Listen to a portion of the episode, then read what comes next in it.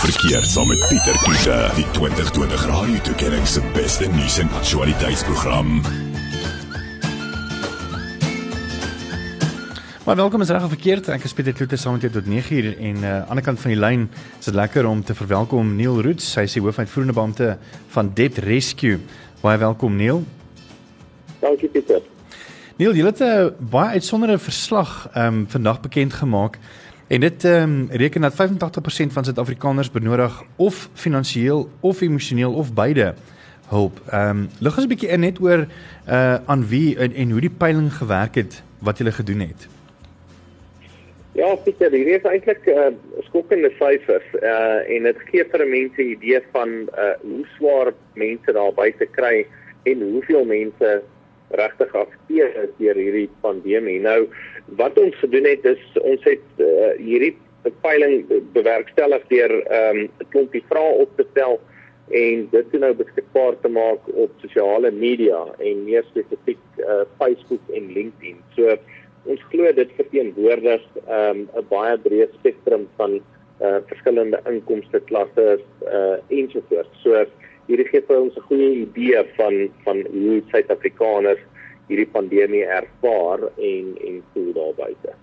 En as ek nou so kyk na na van die statistiek, lyk dit vir my dat omtrent so 96% van Suid-Afrikaners baie bekommerd is oor beide hulle gesondheid en ehm um, hulle geld sake. So die peiling lyk nie baie goed vir uh, finansiëel vir meeste Suid-Afrikaners op hierdie stadium nie, nie waar nie?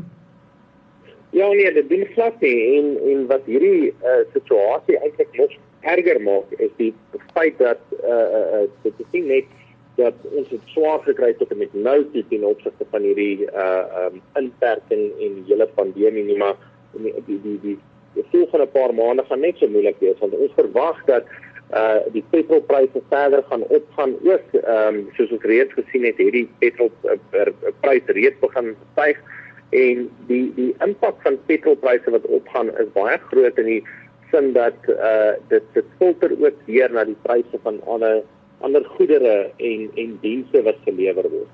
Ehm um, maar nie net dit nie dan ook rentekoerse. Ons weet dat rentekoerse het het is nou op sy laagste wat dit in jare was en en dit is baie goeie nuus, maar ons het nou die onderste punt bereik. So van hier af uh behoort rentekoerse net op te gaan. So mense moet baie versigtig wees wat dit aanbetref.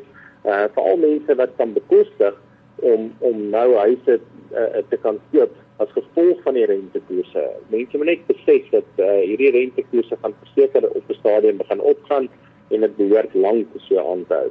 Dan ook die ander twee gevare is dat uh die hierdie uh, uh betalingsvakansies wat mense gekry het by die banke is nou besig om uit te hardloop. Anderswoorde nou moet mense begin om hulle rekeninge rekeninge te betaal en dit bring my by die vierde probleem en dit is dat die kredietverskaffers daar buite het vir hierdie hele lang tyd in gedurende hierdie inperking het hulle nie regtig invorderings gedoen op hulle skuld nie.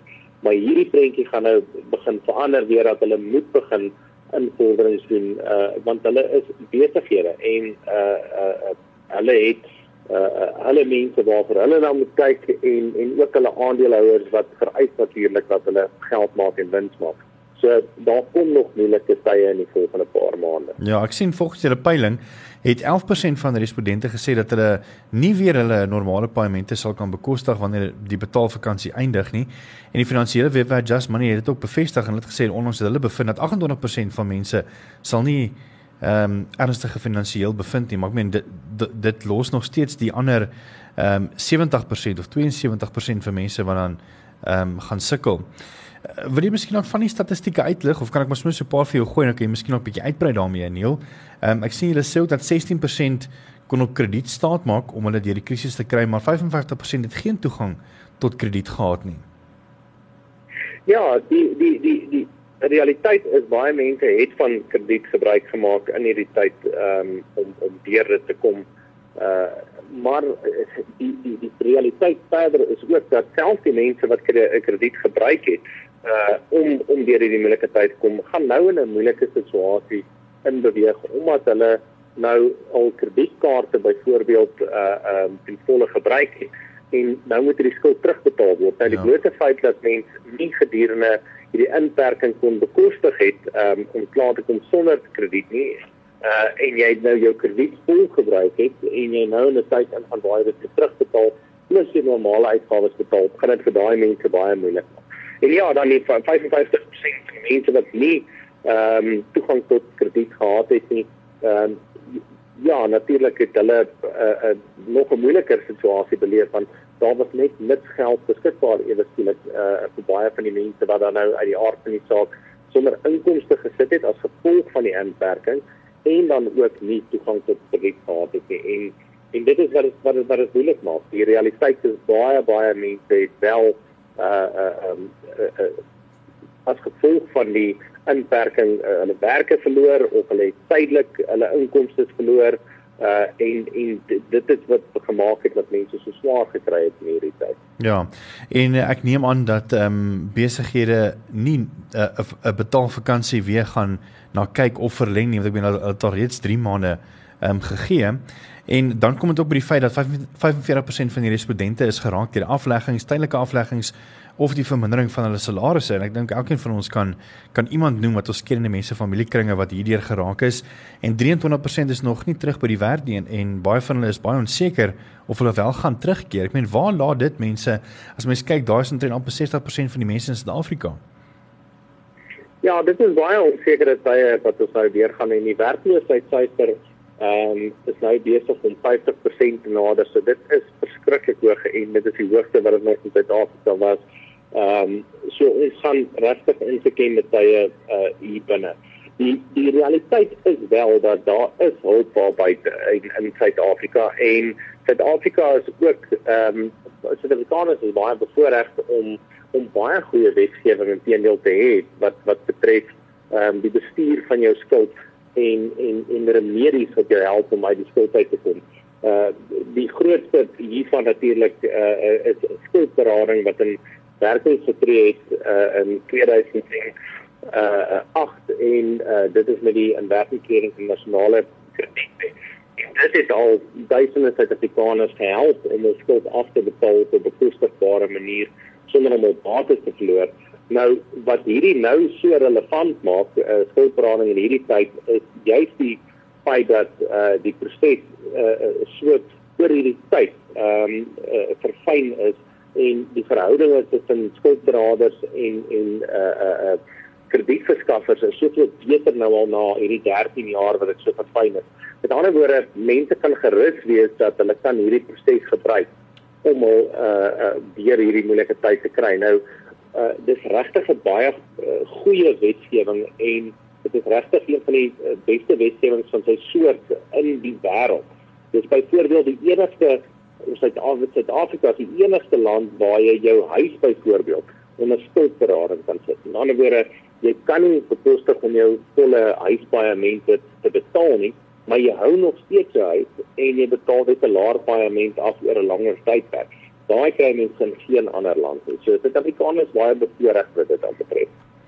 Dit is Neil Roots, hy is die hoofuitvoerende beampte van Debt Rescue. Ons gaan net 'n bietjie meer uitbrei oor wat is debt uh counselling of dan um skuldberading en uh, wat se opsies daar is vir die verbruiker daarbye in hierdie moeilike tye se blinge skakel. Jy kan ook enige vrae na ons stuur 061 610 4576 onthou staan daar tariewe geld. Dis dit is reg verkeerd amper verloor ek my uh, woorde. En um, ek gesels 'n bietjie met Neil Roots, hy is die hoofuitvoerende beampte van Debt Rescue en ons praat 'n bietjie oor die huidige situasie onder um persone wat natuurlik skuld het want ek meen alles was mos nou 'n mooi rooskleurige prentjie gewees uh, net so voor Maart en toe gebeur COVID-19 en uh, baie mense sukkel ek meen party mense is ook afgelê uh, in die meer en 45% volgens die die peiling wat uh, Debt Rescue gedoen het ehm um, sê dat mense geraak is deur afleggings tydelik of natuurlik uh, die vermindering van hulle salarisse. En 23% van hierdie respondente het gesê hulle is ook nog nie terug by die werk nie en baie van hulle is baie onseker oor of hulle gaan wel kan teruggaan. Dit uh, keer natuurlik 'n baie donker prentjie finansiëel vir baie Suid-Afrikaners. Ons het nou so vlugtig gesels oor uh, debt counselling, maar ek wil gou 'n bietjie by jou hoor Neil. Wat is die verskil tussen sekwestrasie en skuldberading? Wel, ek dink dit is eintlik twee baie verskillende prosesse en en elkeen het sy plek. Uh nou sekwestrasie as dan ook by sekwestrasie begin. Ehm um, dit is waar iemand uh sy inkomste in totaliteit verloor het, hy glad nie meer 'n maandelikse inkomste nie. Uh en hy kan nie meer bekostig om sy krediteure terug te betaal nie. Uh dan kan so 'n persoon uh, gesekwestreer word. Uh nommer 5 willige sekwestrasie as die persoon uh self aansoek doen. Die vereiste daarvan is dat daar moet 'n voordeel vir skuldeisers wees en en gewoonlik word hierdie vasgestel teen omtrent so 20% in die rand 20% in die rand wat hulle moet uh, terugkry alvorens so 'n persoon gesekwestreer kan word. Nou wat dit dan behels is dat uh die, die indien hierdie persoon 'n huis het, uh sal die huis dan nou um, te gelde gemaak word op 'n veiling en en hierdie opbrengste sal gebruik word om om die krediteure te. Dan word dit daar behoort dan 'n 'n 'n voordeel vir skuldeisers te wees. En indien hierdie persoon nie 'n uh, 'n uh, huis het nie of dan 'n onroerende bate het nie, um, dan kan 'n losbate sekwestrasie gedoen word en van sy losbates kan dan opgevul word om vir hierdie koste te betaal. So sekwestrasie is al jare deel van ehm um, Suid-Afrikaanse eh uh, eh uh, wetgewing en soos ek sê dit het regtig 'n prominente plek in in ons eh uh, land en dit is veral vir mense wat uh geen inkomste meer het nie en hulle skuld uh kan vat hulle skuld terugbetaal nie. Maar dan skuldberading het in werking getree uh in 2007 met die inwerkingtreding van die uh nasionale kredietwet. En uh dit is 'n baie baie goeie proses want wat dit behels is dat mense wat wel 'n inkomste het uh maar net nie uh in geheel hul paemente kan betaal elke maand en genoeg geld het uh om hul paemente te betaal en nog hulle lewensuitgawes te betaal nie. Hierdie proses van skuldberading maak dan voorsiening dat uh uh, uh ons by hierdie mense se finansies kan kyk en dan die betalings aan hul skuld uh eisers kan verminder tot so 'n mate dat hulle kan bekostig om uh hierdie skuldeisers terug te betaal op 'n bekostigbare manier um, en dan ook genoeg geld hê om vir al hul lewensuitgawes te betaal op 'n maandelikse basis by voorbeeld ehm um, skoolgeld, uh huishuur, uh versekerings, al hierdie klas van goed word dan nou voorsiening gemaak in jou terugbetalingsplan. En die beste van hierdie hele proses van skuldberading is dat jy die beskerming van die nasionale kredietwet geniet indien jy onder skuldberading gaan. Van die eerste dag af wat jy dan nou um, aanvaar word onder skuldberading, geniet jy die beskerming van die nasionale kredietwet en kan jou krediteure nie beslag lê op jou goedere nie. Sjoe. En um, hoe lyk die toekoms vir Suid-Afrikaners uh finansiëel? Ehm um, is is daar lig aan die einde van hierdie donker tonnel? Wel, die prentjie lyk ongelukkig donker. Ehm um, hmm. dit dis dis moeilik om te sê wanneer die ekonomie sy kop gaan lig. Dit is moeilik om te sê wanneer al hierdie aflassings gaan stop en en hoeveel uh uh, uh besighede en maatskappye gaan nog steeds in die slag bly. Dit is regtig moeilik om om om daai uh, uh vooruitskatting te maak. Maar die bietjie lig wat daar wel is, is die feit dat ons het 'n proses so skuldberading in ons land ehm um, wat baie goed is. Ons het sekwestrasie wat uh tot 'n mate kan help om om sodat jy weet van vooraf kan begin.